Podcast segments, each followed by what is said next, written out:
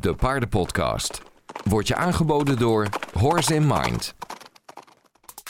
In deze aflevering Dat is het misschien nog het belangrijkste. Niet reageren op omgeving. Als, niet, als er een mens langskomt of als er een mens in de stal komt met zadel en al. Ook al had het paard eh, wonden van de singel of eh, misschien de schofte, dat het zadel toch niet goed lag.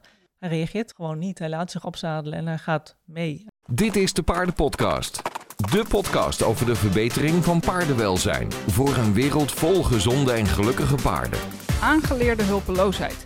Een psychische gesteldheid waarbij het paard alle hoop heeft opgegeven en zich neerlegt bij de gedachte geen enkele controle te hebben over de situatie. Klinkt extreem, maar dat komt vaker voor dan je denkt. Zometeen ontdek je wat het is, waar het door komt en wat er nodig is om een paard uit deze staat van zijn te krijgen. Dit is aflevering 133 met Laura Venema. Dit is de Paardenpodcast. Met Rianne Dekker. Ja, ik eh, ben Laura Venema. Ik ben gedragstherapeut voor paarden en ook gedragstrainer. Als gedragstherapeut kom ik bij de mensen thuis en help ik hen met hun paard. En als gedragstrainer eh, komen, komen de paarden bij mij of kom ik ook bij de paarden, maar doe ik het werk zelf. Beide heel erg leuk. En ehm, ik ben connection training, coach in opleiding, een bepaalde methode binnen het positief bekrachtigen. Oh ja, En, eh, en ik ben gespecialiseerd in het onderwerp eh, learned helplessness. En daar doe ik onderzoek naar. Ik ben dierwetenschapper, ik doe er onderzoek naar. En ik wilde nog veel meer aan onderzoeken, maar dat is Ja. mijn specialisme. want nou ja, learned helplessness of aangeleerde hulpeloosheid. Ja, hoe kom je daar zo bij? Dat is ook, het is het onderwerp van de podcast natuurlijk, dus dat is eigenlijk gelijk ook wel Ja. interessant. Hoe kom je erbij om, om juist daarin te verdiepen? Ja, dat is wel een goeie. Ik dacht op weg hierheen, dacht ik er nog aan van, want dit is eigenlijk een soort van mijn levensmissie. En ik heb dat denk ik van kind af aan al. ehm, toen ik heel jong was, zag ik reclames van het eh, Brook Hospital for Animals over de Oh ja, werkpaarden, werkezels in, in landen als Egypte en dergelijke. Ja. En ehm, nou, daar zag ik hoe ze maar door bleven gaan, gewond en al. En, eh, en gewoon echt letterlijk kapot, maar door bleven gaan tot ze er ja, misschien zelfs letterlijk dood bij neervielen. En dat greep me enorm aan. Dat dat je is- dacht ook van waar, waarom gaan ze Ja, door? ik denk, hoe kan dat? En, ja. En ja, ik was een kind en ik hield heel erg van paarden. En, en ik, wat ik zo mooi vond aan paarden, en nog steeds heel mooi vind aan paarden, is juist die vrijheidsdrang en dat, die levenslust. De paarden, wat paarden zo kunnen hebben, dat sprak me zo aan. En dat was volledig gedoofd in deze paarden. En ik denk, hoe kan dat? Ze zijn zo sterk en zo, ehm, ja, zo, ja, zo krachtig eigenlijk van zichzelf en zo levenslustig, maar toch ja. volledig afgezwakt. Ja. En dat greep me heel erg aan, maar toen wist ik nog helemaal niet dat dat een naam had. Ehm, en dat is mijn leven lang blijven aangrijpen. Ook op de maneges kwam ik het tegen waar ik, waar ik dan reed als, als manegemeisje. Ehm daar zag ik hetzelfde gebeuren. En eh, nou, je Ja. hebt het niet alleen bij paarden. Ik zag En, ook bij... en, je- en je dacht ook van ja, dit, dit- maar deze paarden en ponies die staan gewoon in Nederland. Die worden gewoon Ja. verzorgd, zeg Ja. maar. En, en toch zie je dan hetzelfde gedrag. ja, ja Hmm. we zijn niet kapot en, en, en, en vallen er niet dood bij neer. Maar je ziet hetzelfde gedrag inderdaad. Hm. En toen ben ik uiteindelijk paardengedragstherapie gaan studeren. En toen werd dit verschijnsel benoemd als een, als een verschijnsel dat een naam heeft, learned helplessness.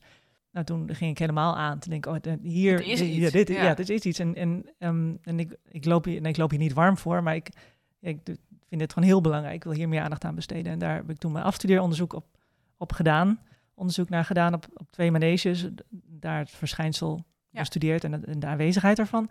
En ehm, nou, dat, dat ging, allemaal, eh, ging allemaal goed. En nou, zodoende ben ik er verder in gerold. En, en ben nu, nu bezig in hopelijk een promotieonderzoek te krijgen. Zodat ik het verder kan onderzoeken. Kijk, Ja. ja. nou ja, belangrijk top- topic inderdaad. Ja, absoluut. Ja, Ehm, voordat we verder gaan, wat is het? ja het is een, eh, een psychologische gesteldheid waarin een, een, een individu, en in dit geval een paard, kan raken. Oh, vooropgesteld, het is bij paarden nog niet wetenschappelijk bewezen. Dat is het wel bij mensen en apen en honden Oh. en een aantal andere dieren, maar nog niet bij paarden. Ehm, maar dat het verschijnsel bestaat bij paarden, daar zijn, daar zijn, ja, dat is heel waarschijnlijk. En, en ik hoop het alleen bewezen te krijgen. Ja. Eh, depressie is wel bewezen en dat heeft dan weer een directe link met learned helplessness, maar ehm learned helplessness zelf nog niet. Ehm, het is een psychologische gesteldheid waarin een individu eh, geleerd heeft dat wat hij ook doet, dat hij hulpeloos is. Dat hij, hij bevindt zich in een, of heeft zich bevonden in een onprettige situatie. ehm, en heeft daarin ervaren dat hij niks kan veranderen aan die situatie. En dat is op dat moment, of het is zo langdurig geweest, traumatisch geweest, dat hij ehm, het volledig heeft opgegeven om nog maar iets te veranderen aan de situatie. Dus het zijn Ja. echte apathische levensloze dieren eigenlijk, als het ware. Ja, zich erbij neergelegd dat ze helemaal geen controle hebben over Ja. de situatie Ja. eigenlijk. Klopt. En is dat iets wat, al- wat, eh, wat zeg maar continu aanwezig is? Of, is, of is dat, kan dat ook in bepaalde situaties voorkomen, bijvoorbeeld? Ja, dat is een vraag die ik, die ik heel graag onderzocht wil hebben. Oh ja. Ehm, Want ik heb het vermoeden dat het in bepaalde situaties kan voorkomen. Zoals ik het nu ken ehm, en het ook eh, zie bij andere diersoorten, is het een, een overall state of mind. En heb je het eh, ja, zowel op het gebied van management, waarin ze dan volledig laveloos staan te staan, en ook in training, dat je gewoon weinig reactie krijgt. Maar Ja. ehm, ik heb ook het idee dat sommige paarden het juist alleen op het managementstuk laten zien, of juist alleen op het trainingstuk. Maar dat Ja. Ben ik nog wat zoekende in. Ja, nou ja, Ja. Ik, ik vraag het omdat ik eh, eh, moet denken aan eh, mijn oude stalgenootje. Of het, het paard van mijn oude stalgenootje. Die is er nu sinds twee maanden niet meer. Die is gaan hemelen. Ehm, maar hij had inmiddels in, in vrijheid, zeg maar, door dat hij dan controle had over Ja. de situatie. Want hij kon gewoon wegrennen als hij wilde. En hij was ook leuk en oké met de andere paarden. En hij at goed en alles. Maar eigenlijk zodra er mensen bij kwamen kijken, dan zolang hij nog los was, nou ja, had hij de controle nog, Ja. dan, eh, dan ging het nog. Maar als je dus zover kreeg dat je hem een halster om kon doen, dan was daarna het lichtje volledig uit. Ja. Het was echt dat en hij gaf het volledig op. Je, kun je echt, dan kun je in het bos gaan wandelen met hem, zeg Ja. maar. Ja, dat geloof ik. Ja, dat kom ik vaker tegen, inderdaad. Zodra ze inderdaad bizar. in handen zijn van mensen, dan, Ja, dan gaat inderdaad letterlijk die knop, of letterlijk, dan gaat die knop om. En dan Ja. ehm, ja, ja, zijn ze niks meer, als het ware. ja. Ja. Nou ja, en er zijn wel mensen die zeggen van ja, maar moet je hem dan niet gewoon het halster omlaten, want dan kun je elke dag oefenen. Maar hoe, ja, helpt dat? Nee, nee, nee, voor mijn gevoel niet. Niet voor hun mentale staat, want ik, het is niet een gezonde mentale staat van zijn. Het is voor ons mensen heel makkelijk, dat tenminste veel mensen vinden het makkelijk als hun paard zo braaf is en zo prima doet wat ze zeggen. Maar het paard is niet, niet mentaal gezond en niet blij op zo'n moment. Dus Ja. En nee, dat zou niet mijn voorkeur hebben om het als Dus om het- te laten. Nee. Nee, precies. Dus dan, want dan begin je eigenlijk al in, in die staat van zijn. Ja. Het lijkt me best moeilijk om er, om er dan uit te trainen, zeg maar, Ja. uit te komen. Ja. In plaats van dat je begint vanuit een goede staat en, en die aangeleerde hulpeloosheid staat voorkomt. Ja. Als het dus al gaat om een bepaalde situatie natuurlijk. Inderdaad. Hè? Want ja, Ja. sommige paarden verkeren er dus continu in. Ja. Klopt. Hoe, hoe ontstaat het überhaupt? Ehm, wat ik bij paarden vooral zie, is dat, het, dat ze negatieve ervaringen hebben waarin hun de, controle is ontnomen, zowel op het, op het vlak van management als op het vlak van de training. En dat zie je dan helaas bijvoorbeeld vaak op maneges. Even regulier gesproken, waarin de paarden in een, eh, in een box staan van 3 bij 3 en daar eigenlijk de hele dag staan. Misschien een paar uurtjes even op een paddock, maar ja, veel meer is het niet. En dan eh, eh, de manegelessen lopen, waarin ze moeten doen wat, wat er gevraagd wordt. En dan weer terug worden gezet in de stal. Dus ze hebben weinig invloed op hun, op hun leven. Ze, in, in de stal kunnen ze geen kant op. Ze moeten het doen met, met, met het hok waar ze in staan. Ja. En in de kinderlessen vaak kunnen ze eigenlijk ook niks doen, want ze, ja, ze moeten luisteren. En dan de, op die twee vlakken samen is hen de controle over hun leven ontnomen. En als dat maar lang genoeg voortduurt, dan, ja, dan kan deze staat ontstaan. En soms is het zo, als er één bepaalde situatie zo traumatisch is geweest, dan kan het ook na één situatie al ontstaan. Maar Hm. wat ik vooral in de praktijk tegenkom, is het een soort langdurige samenloop van zowel management als training die onprettig zijn. Ja, als je het zo hoort, dan, dan denk je eigenlijk van ja, hoe, hoe vreselijk moet de situatie dan wel niet zijn? Ja, is dat, is dat ook zo? Moet het, moet het echt heel erg zijn? Of zijn er eigenlijk al best wel kleine dingen waardoor, eh, ja, waardoor we misschien niet doorhebben dat we de controle ontnemen? Of ja, Ja. dat is gewoon wat ik me afvraag. Hoe ernstig moet het zijn? Ja, ik, de- ik vind dit al vrij ernstig inderdaad als, het- als er zoiets gebeurt. Maar dat, zijn, Ja. dat kan al door kleine dingetjes inderdaad gebeuren. Ehm, en dat hebben denk ik inderdaad heel veel mensen niet door. Het kan ook alleen al gebeuren, alleen al is het het- als het management inderdaad niet helemaal in orde is. Of als het paard wel, nou laat ik maar even de, kort door de bocht zeg, 23 uur per dag op stal staat. Ja. Dat, dat kan het al zijn. En dat heel veel mensen denken, ja dat is toch normaal. Dat moet een paard aankunnen. En er zijn paarden die dat aankunnen, maar, ehm, maar ook heel veel paarden niet. En dan, ehm, Ja. en dan kan zoiets ontstaan. Dus dat is, dat is iets relatief kleins, maar wel heeft een enorme, of het is niet relatief klein. Mensen denken misschien dat het relatief klein is, maar het heeft Ja. een enorme impact. Of het kan een enorme impact hebben. Ja, ja, ja. Nou ja, ik vind het wel eh, interessant dat je zegt dat management er dus ook zo'n belangrijk onderdeel van is. Ehm, bij aangeleerde hulpeloosheid of depressie, als je dat zo bedenkt, je, je, je ziet paarden in gedachten toch al vaak gelijk in combinatie met mensen. Ja, klopt Is het- helemaal. Ja, dus nou ja, management is daar dan ook een belangrijk onderdeel van. Ehm, ja, als, je, als we dan eh, een beetje doorskippen gelijk naar, naar mogelijke oplossingen, is het dan voldoende om ze gewoon de, de vrijheid te geven? Hoe lang duurt het überhaupt voordat een paard weer oké is, zeg maar, mentaal gezien? Ja, dat ben ik heel erg aan het uitzoeken momenteel. Want nou ja, als, ik, als ik helemaal de vrije hand zou krijgen in het oplossen hiervan, dan zou ik inderdaad beginnen in het management en dat met training ondersteunen. En dat kan heel mooi. Alleen eh, als, als je alleen. Ik denk niet dat het voldoende is om alleen het management aan te pakken. Want dan krijg je inderdaad, misschien het voorbeeld wat jij net noemde.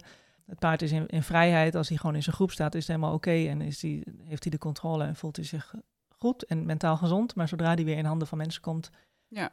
Raakt hij weer in die staat. Dus het helpt in ieder geval sowieso enorm om het management aan te passen. Want dan heb je al een heel groot deel weer Ja. positief gedekt. Maar training is toch ook wel een essentieel onderdeel ervan. Ja. Dat dan wel. Er zijn ook trainers die juist andersom eh, roepen natuurlijk. Hè? Dat het, de training het allerbelangrijkste is voor de, voor de mentale gezondheid eh, van het paard. Maar dan gaat het met name over paarden die echt dagelijks intensief getraind worden. Ja, en die staan dan wel veel op stal, maar zijn in ieder geval blij als ze hun ruiter zien. Ja. Ik kan me voorstellen dat het inderdaad vanuit beide kanten eh, ja, invloed heeft. Ja. Ik denk als je met training alleen dit aanvliegt, maar je houdt het management eh, ehm, zo dat het paard geen controle heeft over zijn management, ja, dan bereik Is wel je- lastiger, Ja, dan wordt het ja. behoorlijk lastig. Ik vraag me af of dat gaat lukken. Ja. In dit geval in ieder geval. Als, in Ja. de, als ze al in die staat verkeren, bedoel je? Ja, ja. ja, ja, ja, snap ik. Om nog, toch nog eventjes terug te gaan naar het, eh, naar het ontstaan ervan. Ehm, er zijn natuurlijk ontzettend veel verschillende trainingsmethodes. Als we het dan even toespitsen op de, op de omgang en niet op het management op dit moment. Waar, waar zit het hem dan precies in? Is het, eh, kijk, op de manege in kinderlessen kun je je voorstellen dat het echt op traditionele maneges, dat het echt gewoon kopdicht en lopen is. Maar ja, hoe, hoe zit dat bij de particuliere paardenhouders bijvoorbeeld? Eh, ja, dat is een goede. Ehm, eh, het, het is ehm, zo dat dit, nou vooral, waarin je het vooral ziet gebeuren, is een, een onjuiste toepassing van negatieve bekrachtiging. Ik heb niks tegen negatieve bekrachtiging op zich, maar de timing moet goed zijn. En Ja. ehm, En daar, voor, voor wie trouwens niet weet wat dat inhoudt, dat is dus werken met eh druk en loslaten. Ja. Dus dat is gewoon been geven, gaat het paard, dan laat je los. Dat Ja, is even een makkelijke, makkelijke uitleg. Dankjewel. ja. Ehm, en, dat, eh, en dat is, daar hoeft verder niks mis mee te zijn. Dat is ongeveer de basis van hoe wij met paarden omgaan. Mits de, training, of mits de timing goed is. En daarin schort het eh, vaak. En dat op je maneges natuurlijk helemaal. Want nou, de kinderen over het algemeen, die moeten het leren. En die hebben de timing nog niet goed. Dus die blijven misschien Ja. eh, drijven op het moment dat het paard al draaft. Of blijven eh, toch te strakke teugels houden op het moment dat het paard al wat, wat teruggegaan is in tempo. Ehm, maar dat heb je ook in hogere regionen van de sport. Dat de, dat de timing gewoon niet juist is. En dan on- ontstaat er verwarring bij het paard. Want hij doet Ja. wat er gevraagd wordt, maar toch blijft het onprettige gevoel of Ja. de onprettige druk blijft bestaan. Ehm, en dan heb dan dat is een soort kweekvijver. Daarin Ja. gaat heel, ja, heel erg veel mis. En ehm, ja, dat is eigenlijk een negatieve bekrachtiging. En, en, en als een paard dan inderdaad ehm, niet meer gaat doen wat er gevraagd wordt, dan wordt de druk nog verder opgevoerd. En wordt er soms ook positieve Ja. correctie toegevoegd. Dus dan de echt, ja, misschien zweepgebruik of spoorgebruik of scherpere bitten of noem het maar op. En dan, eh, dan is dat nog weer een, een graadje erger en dan Ja, loop je nog meer risico. ja, het paard reageert niet meer, dus naar zwaardere middelen grijpen. Ja. Ja, ja, je ziet dat vaak aan de... nou ja, om dan, ik, ik hou natuurlijk niet echt van heel, om heel erg te, te stereotyperen natuurlijk. Maar als we dan wel kijken naar echt heel traditionele stallen met, met voornamelijk... ehm, nou ja, wel gewoon serieus trainende ruiters of wedstrijdruiters. Ja. En die staan hun paard te longeren. En het is bijna continu, weet je, rondjes en de zweep erachter. Ja. En nog meer zweep erachter en nog een zweep Om ze maar soort van gaande te houden. Absoluut. Terwijl het paard niet eens terugkomt in Nee. tempo. Het is maar alvast om te voorkomen. Ja, klopt. En die reageren helemaal niet meer op dat zweepgebruik. Ja, Nee. als je dan, ja, tussen aanhalingstekens ze nodig zou Ja. hebben, dan heb je inderdaad Ja. zwaarder geschut nodig. Ja, klopt. Ja. Ja. En ook nog weer, op dat soort stallen wordt, wordt veel gebruik gemaakt van allerlei bijzetteugels. En eh, nou ja, en als ze dan wel rijden, slofteugels. En, en, waardoor het paard nog verder in een situatie komt dat hij niet, dat hij niet zich echt niet kan uiten. Nee, nee, totaal niet. Hij kan, Ja. hij kan niet niet hoger dan met zijn hoofd dan dat hij op dat moment, eh, dan dat op dat moment toegestaan wordt. Dus dan, dat is nog een extra onprettig iets waar hij niet aan kan ontsnappen. Ja. Ja. Nou ja, inderdaad. Het is niet alleen maar dat ze mentaal eh, de controle kwijt zijn. Ze zijn fysiek ook echt controle kwijt dan. Ja. Ja, en heel veel paarden eh, ja, zijn, daar weet je natuurlijk alles van, zijn fysiek niet, misschien niet eens in staat om op die manier Mhm. te lopen, maar worden wel gedwongen op die manier te lopen. En gaan dan stilstaan, omdat ze gewoon ja, fysiek niet echt kunnen lopen. En dan worden ze nog vooruitgeslagen of vooruitgeprikt met sporen. Even gechargeerd gezegd, is natuurlijk Ja. niet altijd zo. Ja, en dat, ja, dat kan dan te veel worden. En dan kan het, eh, dan, ja, het kwartje de andere kant op slaan. Zeg je dat Ja. zo? ja. Ja, dus op een gegeven moment maar gewoon opgeven. Ja. Zo vroeg mogelijk compenseren en het uurtje uitzitten. Ja. Als het ware. Ja. Komt het veel voor in, in Nederland eigenlijk? Eh, ja, ja, ik vind elk paard te veel. Maar ik vind dat het best veel voorkomt. Op maneges zie je het eh, echt heel erg veel. En ik heb wel eens gesprekken met mensen die zeggen... Is de, ja, komt het in de topsport voor? Of komt het bijvoorbeeld bij de politiepaarden voor? Die natuurlijk ook enorm worden getraind... en ook eigenlijk Ja. niet meer mogen reageren op, op angstaanjagende prikkels, noem ik het maar even. Ehm, ja, en als je hen ook meerekent... dan, is het, dan zou het zijn misschien wel een gedeeltelijke aangeleerde hulpeloosheid. Dus niet op, niet op alle vlakken, maar misschien dan alleen Ja. op, het, op het gebied van in contact met mensen. Ja, dan komt het echt wel heel erg veel voor. Ja. Dan, ja, qua aantallen is het dan lastig zeggen, maar ja, Ja, nou ja, ja. dat is het ook inderdaad. Er, er moet, zoals je aangaf al, nog meer onderzoek naar gedaan worden. Ja. Eh, dus om precieze aantallen te, te noemen is natuurlijk gewoon wel heel lastig. Ja. Eh, maar je hebt, er, je hebt er wel onderzoek naar gedaan. Ja. Hoe heb je dat gedaan überhaupt? Ja, dat was ook nog een, een, een ding, want niet, het is niet een per se een heel populaire term. Dus mensen Nee, het is niet dat mensen denken, Nee. oh, kom maar bij mij. Dan kun je Nee. kijken of mij... Nee, Nee. natuurlijk niet. Dus ik was heel blij dat ik in ieder geval. Ik heb, ik heb, nou ja, ik kom uit Groningen. Ik heb echt alle maneges aangeschreven in, in Noord, nou, Noord-Nederland. En eh, ja, ook verder. Maar ik kreeg echt nauwelijks reactie. Heel veel nee, maar ook gewoon heel veel geen reactie. Ja. En gelukkig twee maneges waar ik wel terecht kon. En één reguliere manege waar ik dan heel blij mee was dat ik daar terecht kon. Want daar verwachtte ik eerlijk gezegd ook meer te zien dan op een ander type manege waar ik ook terecht kon. Wat meer een modern type manege met vrije beweging voor de paarden. En die stonden in een soort groepshuisvesting en een soort onbeperkt Ja. toegang tot ruwvoer en al, allemaal redelijk oké. Dus op die twee kon ik terecht en zo kon ik mooi ook een vergelijking maken Ja. naar de rol van management. Want dan, dat was in, ja, in die twee gevallen, want de lessen waren in principe hetzelfde bij de maneges, maar ehm het management verschilde wel heel duidelijk.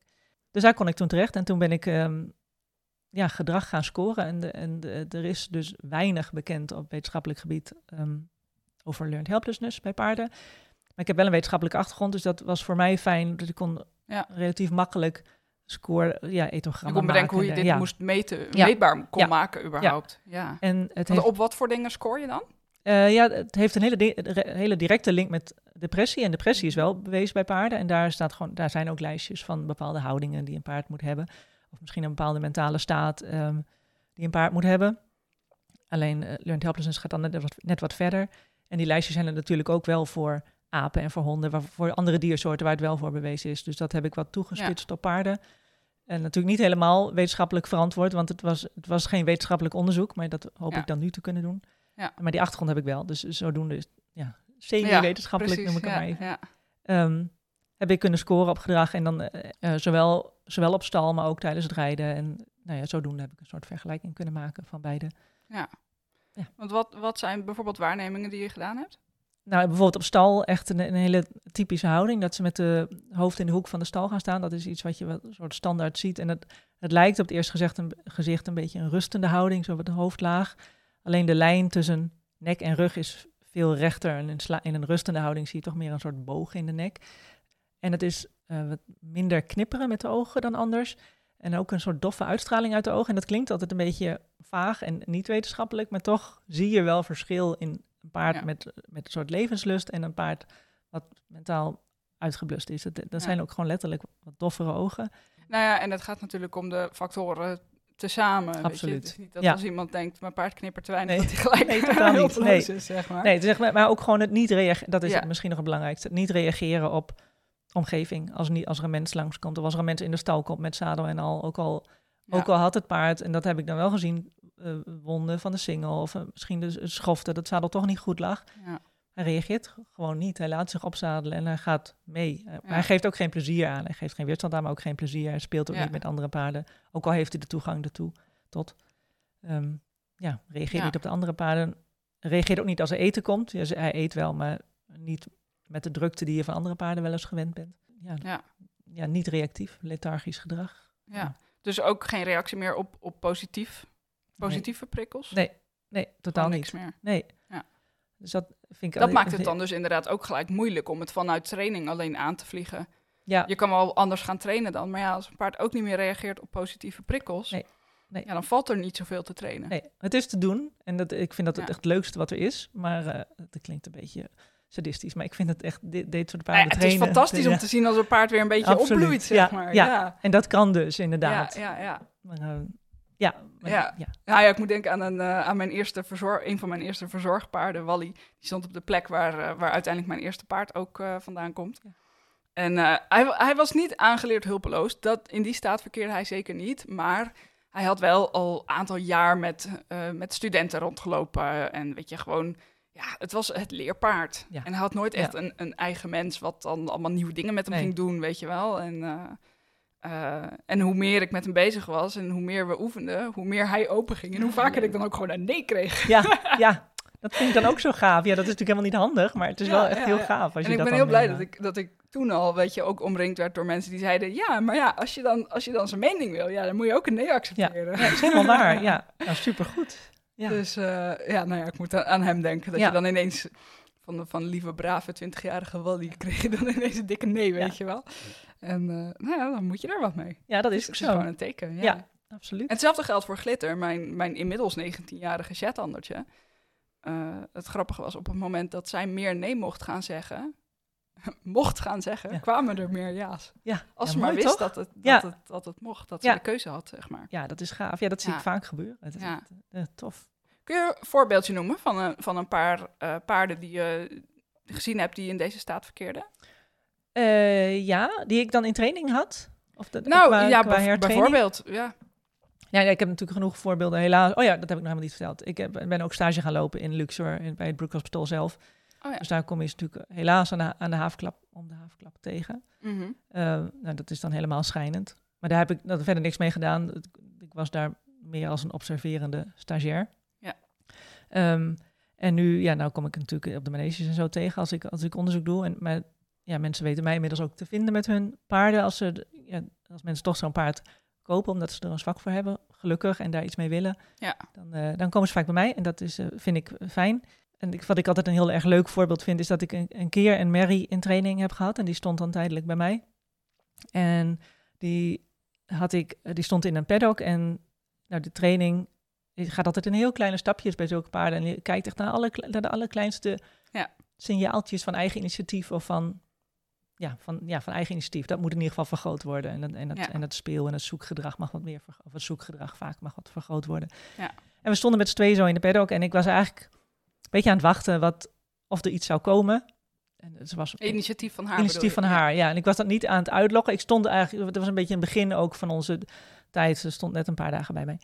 En, ehm, en toen grensde mijn paddock nog aan een plek waar ik ook mijn, mijn voertonnen had staan. En daar had ik net die ochtend daarvoor, of die ochtend had ik net een aantal voertonnen gevuld. Dus er lagen nog wat lege voerzakken. En tot dan toe had ze echt nergens op gereageerd. Ze stond, ze stond in de bak. Dat was wat ze deed. En verder, ja, ze at hooi en haar brokjes, maar ze reageerde verder eigenlijk nergens op. Dus we stonden met z'n tweeën in die paddock. En ehm, in één keer zie ik dat de kopje iets meer omhoog gaan. En dat, ja, dat hoofdje dan wat richting de, die, die zakken met voer gaan, die lege zakken. Ik denk, wat gaat ze doen? En ze loopt daar inderdaad heen. In een, soort van rechte lijn, ook niet heel snel, een beetje langzaam. Maar ze liep erheen. Dus ik denk, oh, dit, Ja. dit vind ik al tof. Er gebeurt iets. Ze doet iets Ja, eigen ja, initiatief. En ehm, Iets En van ze- nieuwsgierigheid. ja, wow, gaaf. Dat, i- dat, dat, maakt mogelijkheid. En ze gaat inderdaad zo met haar neus naar die voerzakken toe. En ze stopt zo haar, ja, ongeveer haar hele hoofd in een lege voerzak. ik vond het zo gaaf. Ze tilt hem zo eromhoog. En ze legt die voerzak in de paddock. Nou, en dat, en dat was het dan. En, maar ik kon wel een Ja. gat in de lucht springen. Ik vond het zo Ja. tof dat er, dat er inderdaad dat, ja, dat zoeksysteem dan was aangegaan. En dat ze weer wat nieuwsgierigheid kreeg. En toch een klein beetje ondeugendheid misschien. En Ja. eh, nou, dat vind ik echt een heel gaaf voorbeeld. Eh, Ja. een vriendin van mij die werkt met konijnen. En dat wat dat betreft een beetje vergelijkbaar met paarden, misschien qua type. En die had ook een konijn met learned helplessness. En die, dat is een niet helemaal niet goed voorbeeld, maar op een gegeven moment had hij haar gebeten. En daar was zij ook heel blij mee. Omdat Ja, hij dat inderdaad- ik. Ja. Dat hij kon aangeven inderdaad als iets niet goed was. Dus, eh, Ja. ja. dus die kleine ondeugende momentjes, dat, ja. Daar kun je mij niet blijer mee krijgen. Zo tof. Ja. Ja, grappig inderdaad. Ja. Ik denk dat de meeste mensen, als het gaat om aangeleerde hulpeloosheid, dat ze dan of ehm, eh, nou ja, met enig bewustzijn zo'n paard gekocht hebben om op te kunnen knappen en weer goed leven Ja. te geven. Of er misschien vrij snel achter komen dat het paard dat ze gekocht hebben eigenlijk nou ja, in, in die staat verkeert, zeg maar. Ja. Ja, klopt het als ik denk dat er, dat er vrij weinig mensen zijn die erachter komen dat het paard learned helplessness heeft, zeg maar, of learned helpless, aangeleerd Ja. hulpeloos is. Ja. Eh, en dat het door hunzelf komt en dat ze het op willen lossen. Ik denk dat dat Ja, dat psychisch Ja. voor de mens best wel moeilijk is om Ja. te bevatten. is het ook. Ja, absoluut. De, ja, ik denk als, ik weet het misschien, bevat mensen dat niet, bevatten mensen dat inderdaad niet helemaal. Of ze moeten Ja. het bewust hebben aangeschaft en, eh, en daar iets mee willen. En dat is Ja. heel, heel bewonderingswaardig. Ja. En er zijn ook heel veel mensen die trainen, dat klinkt niet aardig, maar die trainen hier bewust in deze richting, omdat het Ja. wel ideale manegepaarden zijn. Uit. In Amerika is het ook gewoon een, een gewenst niet, ook standaard niet. Maar in Amerika komt het voor dat het een gewenst resultaat cowboys. is. Ja, absoluut. Ja, ja, zeker. En dan willen ze dat ook graag. En dan willen ze echt het paard ja, breken. En dat lukt ze relatief makkelijk. En, dan, eh, en dan is dat het doel. ja. Paard de controle En, en is dat dan... Ik, ja, ik vraag me altijd af, hè. is dat dan echt bewust zo van... oké, paard is gebroken, durft zijn mening niet meer te geven... nu is hij lekker braaf? Of geloven ze daadwerkelijk dat het paard zich zeg maar bij de leider gevoegd heeft... en, en dat het onder, met heel veel mooie horsemanship termen goed gepraat wordt... Want eh, kijk eens hoe die staat te kauwen en likken en zijn hoofd lagen. En hij komt steun vragen bij mij, want hij ziet mij nu als leider. Ja, dat, is, eh, dat, is, eh, dat heb je helemaal een punt. Ja, dat gebeurt heel veel, helaas. Ik zie, inderdaad. ja, ik zie zo vaak van dat soort... Ja, iedereen denk ik wel hoor, maar je ziet zo vaak dat soort filmpjes voorbij komen. Ja, ja.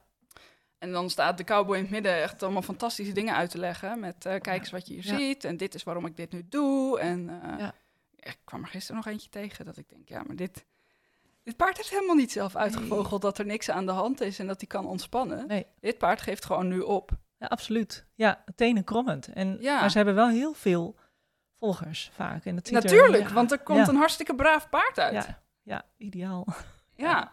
Ja, En toch zie je dan wel vaak, heb ik het idee hoor, maar eh, afhankelijk van de kunde van de eigenaar. Maar dat je toch dan wel weer na een aantal weken of maanden, dat de eigenaar gewoon weer problemen krijgt Ja. met het paard. Ja. Ja, omdat die gewoon zo streng en consequent niet Ja, wil zijn. klopt helemaal. Ja. Ja, Ja, en dan wordt het natuurlijk van kwaad tot erger, want voor dat paard is, dat lijkt me het echt enorm verwarrend. ja, is het ook. Maar goed, dit soort tafereelen komen denk ik in Nederland minder voor. Ja, minder, maar ook wel, helaas. Hmm. Ja, Eh, wel minder. Ja. Ja. Dus dat is Ja. een positieve noot. Ja, en ik vraag me dan af, is dat dan, zijn dat dan ook de, de, de meer cowboys horsemanship-achtig, zeg maar? Of is dat meer de bedoeling om, ja, brave sportpaarden te creëren? Volgens mij komt het dan wel meer uit de cowboyhoek van de, Dat wel. van de horsemanship.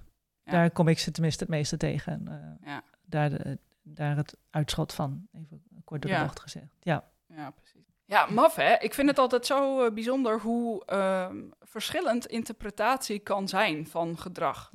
ja is het ook. Ja, En dat is, ik, ik heb vorig jaar natuurlijk met Horse Mind het uh, paardengedragsseminar georganiseerd. Ja.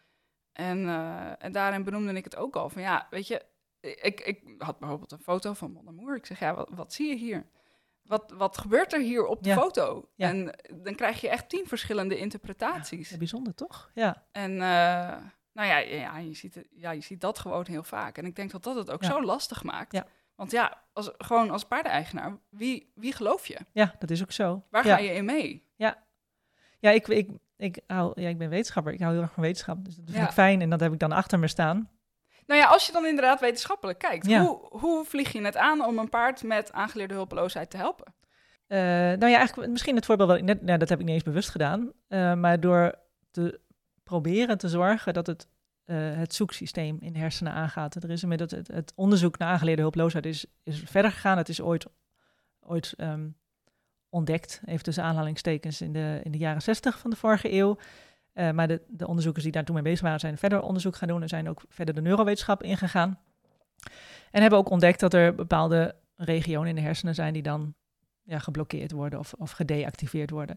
Eh, waaronder het zoeksysteem in de hersenen. En, ehm, en wanneer je dat weer weet te stimuleren op de een of andere manier, en dat kan bij mensen heel makkelijk, nou, niet heel makkelijk. Maar dat kan bij mensen makkelijker.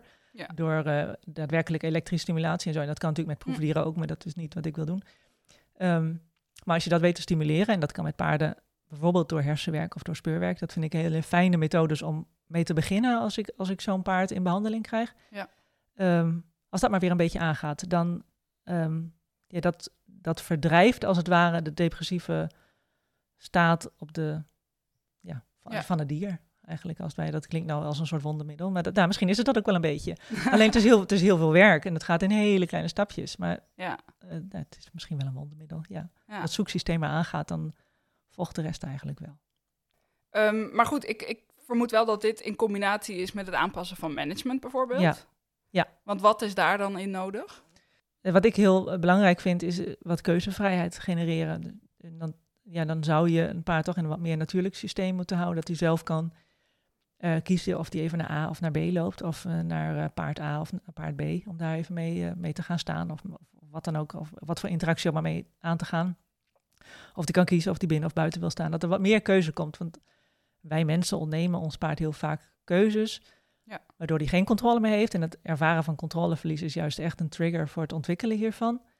Dus ja, keuzes geven. En als het kan, ook nog keuze geven in voeding. En dat is vaak wat lastiger. Maar als je voor de rest toch wat meer keuze aanbiedt, dan, ja, dan ben je enorm goed bezig. En als je dat stimuleert, of nee, als je dat ehm, begeleidt met goede training, dan, Ja.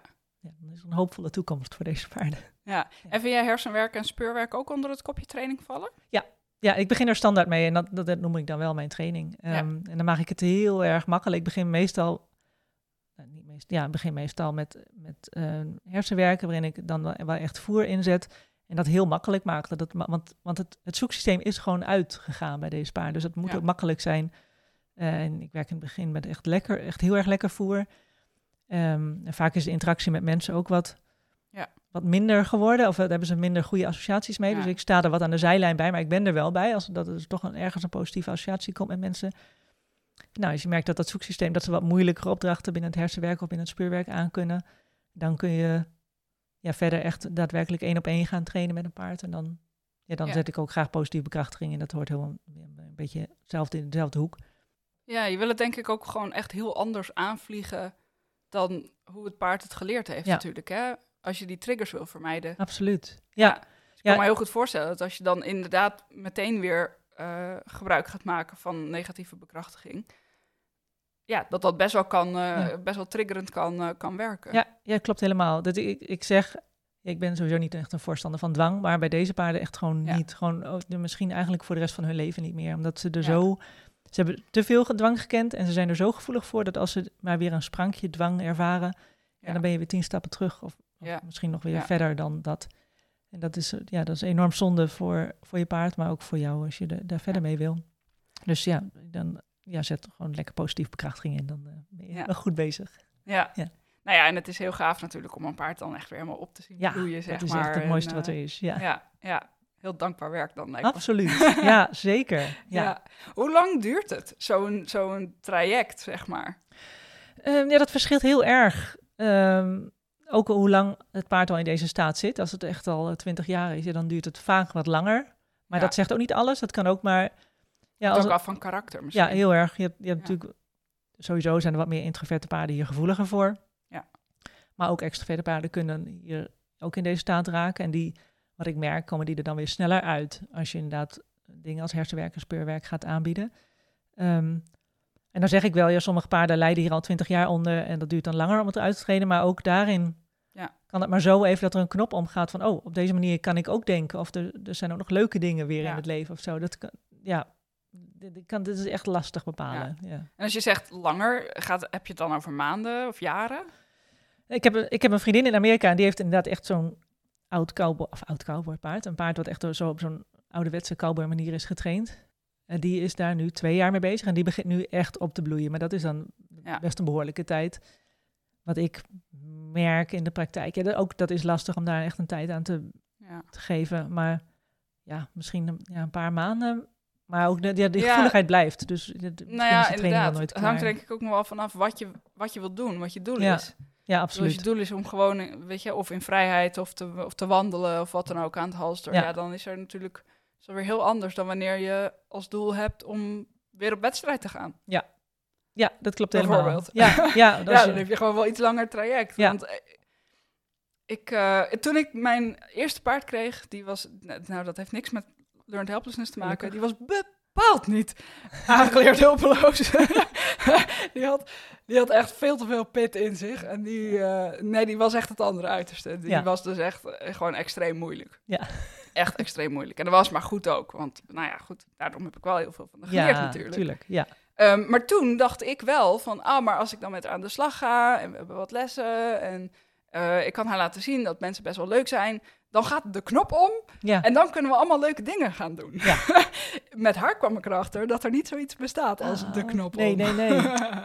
Jee, ja. Dus ik, ja, ik kan me zo voorstellen dat dat met, met learned helplessness natuurlijk net zo is. Ja. Dat je eigenlijk met ieder stapje dat je verder gaat, ja, weer tegen potentiële triggers aanloopt. Absoluut. En, Ja. ehm, en elke keer weer moet kijken van, oké, is, is dit dan het moment dat Ja. hij weer terugschiet in die rol? Of, of kunnen we hier nog wel door, zeg maar? Zit dit nog in de stretch van de comfortzone? Ja, zeg je helemaal goed. Ja, het is echt een heel gevoelig proces. En, en zeker inderdaad als je doel is, ja, wat meer richting misschien wel weer wedstrijden gaan. Of inderdaad het doel wat het paard Ja. voor jou nog had. En waardoor die in die staat raakte. Ja, dan, het is niet onmogelijk, maar dan loop je elke keer wel weer Ja. sneller tegen het risico aan. Dat, eh dat hij er wel weer in terugvalt. Dus het is altijd... Ja.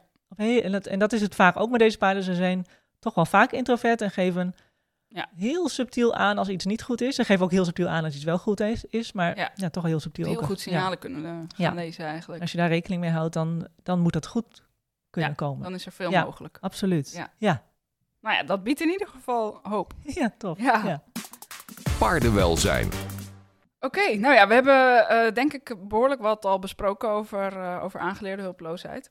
En ehm, de podcast die gaat natuurlijk over paardenwelzijn, dus Ja. ik heb daar eigenlijk nog twee vragen over eh, voor je.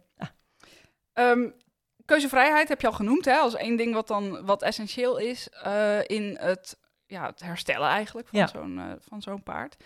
Ehm, als er nou één ding is wat mensen nu of morgen gelijk kunnen eh, bieden aan hun paard wat betreft keuzevrijheid. Welk, welk ding zou dat dan moeten zijn, denk je? Ja, dan denk ik in eerste instantie, dat ik denk dat de meeste luisteraars van, van, van Horse and Mind dat wel doen, is vrije beweging geven. Dat is dan niet, dat, het- niet dat het opgesloten zijn het enige slechtste of het allerslechtste is, maar dat helpt al een heleboel. Als er vrije beweging is, dat hij zelf in ieder geval kan bepalen of hij naar links of naar rechts wil, bijvoorbeeld. Ja. Ehm, dat is qua management. Ja. Ja, en in de training? Ja, wat ik heel erg leuk vind, ja, misschien juist bij deze paarden, ehm, maar dan ben je wel wat verder in de training, maar is het gebruik maken van startbuttons, omdat ze dan zelf kunnen aangeven Oh ja. van eh, ik ben klaar voor deze oefening, of ik, eh, of ik wil het wel, of ik wil het juist niet. Ja. En dat, eh, dat, dat geeft zo'n eh, zo'n rijkdom aan het paard en, Ja. en geeft jou als trainer zoveel informatie. Ja, dan is het relatief makkelijk aan te leren, dus eh, ja, enorm zeker. goede, goede aanvulling. Voor wie daar meer over wil weten, ik heb een, ja, een poosje geleden, het was eh, in ieder geval vorig jaar, maar een podcast opgenomen met Do Groen hierover. Oh, supergoed. Ja, Dus ehm, eh, als je in je podcast-app kijkt en je scrolt eventjes wat verder naar onder, dan eh, Ja. kom je hem vanzelf tegen. Ja, ja, zij is ook fantastisch goed daarmee. Dus Ja, ja, Ja, zeker heel aanrader. inspirerend, ook om op Instagram te volgen. Leuk, ja, klopt. Dus Do, als je het hoort, shout-out. Ehm, dan tweede vraag. Ja, als je kijkt naar de afgelopen vijf à tien jaar, nou ja, dan heb je denk ik best wel wat paarden al meegemaakt die, die zijn opgebloeid bijvoorbeeld.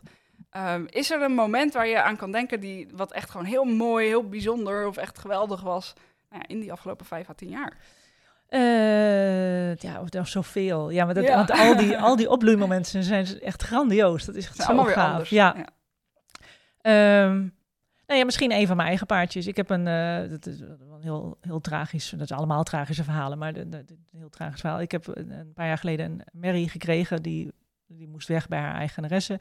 En haar eigenaresse had haar ooit overgenomen van, eh, van iemand die haar twintig jaar lang seksueel misbruikt heeft. En, en ook fysiek misbruikt, los van het seksuele. Echt afschuwelijk. En die heeft het meest Ja. al, nou ja, je kunt het zo gek niet bedenken, heeft het allemaal meegemaakt. Bizar, Dus ze was helemaal eh, kapot en helemaal, eh, ja, Ja. gewoon, eh, ja, fysiek niet meer gelukkig, maar mentaal wel helemaal kapot. En volledig afgesloten eigenlijk van de hele wereld. En die, ehm, gelukkig had die vrouw haar kunnen redden. En die had er geen plek voor, dus kwam ze bij mij. En, en daar, staat ze nog steeds. En Ehm, eerst heb ik haar gewoon gelaten. Dat ze, ze kon lekker bij mij in de groep. Ik heb een hele club met paarden. Nou, daar kon, daar kon ze Ja. in en daar bloeide ze al wat op. Dat deed haar hartstikke goed. En, maar in het, nou misschien hetzelfde als wat jij zei. In het contact met mensen was ze echt, ging ze volledig uit. Ja. En, ehm, eh, en ja, misschien heb ik het wel niet erger, niet erger dan het haar meegemaakt. Ze is er gewoon zo, beschadigd. En nu, ehm, ze woont nu drie jaar bij mij. En ik heb haar nu sinds kort intensief in training. En ik heb haar nou, dat is dan echt een paar dagen, een paar weken geleden, heb ik haar voor het eerst kunnen aaien op haar. Dat klinkt misschien heel klein, maar dat is voor mij echt heel groot. Heb ik haar kunnen aaien op haar rug. En dat was tot dan toe gewoon niet mogelijk, omdat ze, Ja, dat was gewoon Eh, zo'n grote trigger. ja, ja. En, eh, en nu wel in, in ontspanning en in contact nog met mij. Ze ging niet uit contact, ze bleef gewoon in contact en, en Ja. aanwezig en, eh, en bewust. En dat, en dat was dan mogelijk. En dat, nou, dat Ja. Klinkt als iets heel simpels van wie kan Spano niet op de rug aaien. Maar nou ja, bij haar Ja, ja, is, het, is, het, is het zo'n groot ding. Dus ik ook, ook daarin, ik kon, ik kon wel een gat in de lucht springen, maar ik moest heel rustig, want anders dan was het wel weer mis. ja. Maar eh, nou ja, dat, Geweldig, ja, dat is voor mij echt een gaaf voorbeeld. Ja, een klein Mooi. meisje. Ja, Dankjewel voor het delen. ja, ja, geen dank. Als mensen meer willen weten van jou of je werk, ehm, waar kunnen ze dan terecht? Eh, naar mijn site, gelukkigpaard.nl of info.gelukkigpaard.nl. En wat ik ook tijdens het webinar zei, ehm, ik, dit is echt mijn missie, de, de, de Learned Helplessness en paarden helpen. Dus als iemand hulp hierbij wil, dan doe ik dat met alle liefde kosteloos, omdat dit gewoon echt mijn, is een soort zendingsdrang om deze paarden Ja. te kunnen helpen. Dus ehm, het, het is mijn werk, dus ik moet er gewoon aan verdienen. Maar voor de Learned Helplessness mag ik echt een uitzondering. En eh, Ja. ja, daar zet ik me volledig voor in. Dus als iemand dat wil, maar tegen kosten aanhikt, dan, eh, dat is echt geen probleem. Laat maar weten. Dan Ja. komen we daaruit. Ja. Mooi, ja, Yes. ja, heel erg tof. De- om, dat je inderdaad die, die missie hebt en het zo belangrijk vindt om deze Ja. paarden te helpen. Ja. Het is eh, van alle ja, staten waarin een paard kan verkeren, is dit wel een, eh, een heel pijnlijke Absoluut. eh, om tegen te komen natuurlijk. Ja. Hartstikke bedankt voor het delen van jouw kennis. ja, nou dankjewel voor het luisterend oor. Hartstikke tof dat het hier mocht. Vond je deze podcast interessant? Dan zou ik het heel leuk vinden als je mijn handje wil helpen om nog meer paardeneigenaren te inspireren. Dat kun je bijvoorbeeld doen door deze podcast te delen op social media. En wat ik ook tof zou vinden is als je een recensie zou willen schrijven. Dat kan via jouw podcast-app of via het kopje recensies op de Facebookpagina van Horse in Mind. Dankjewel en tot de volgende keer.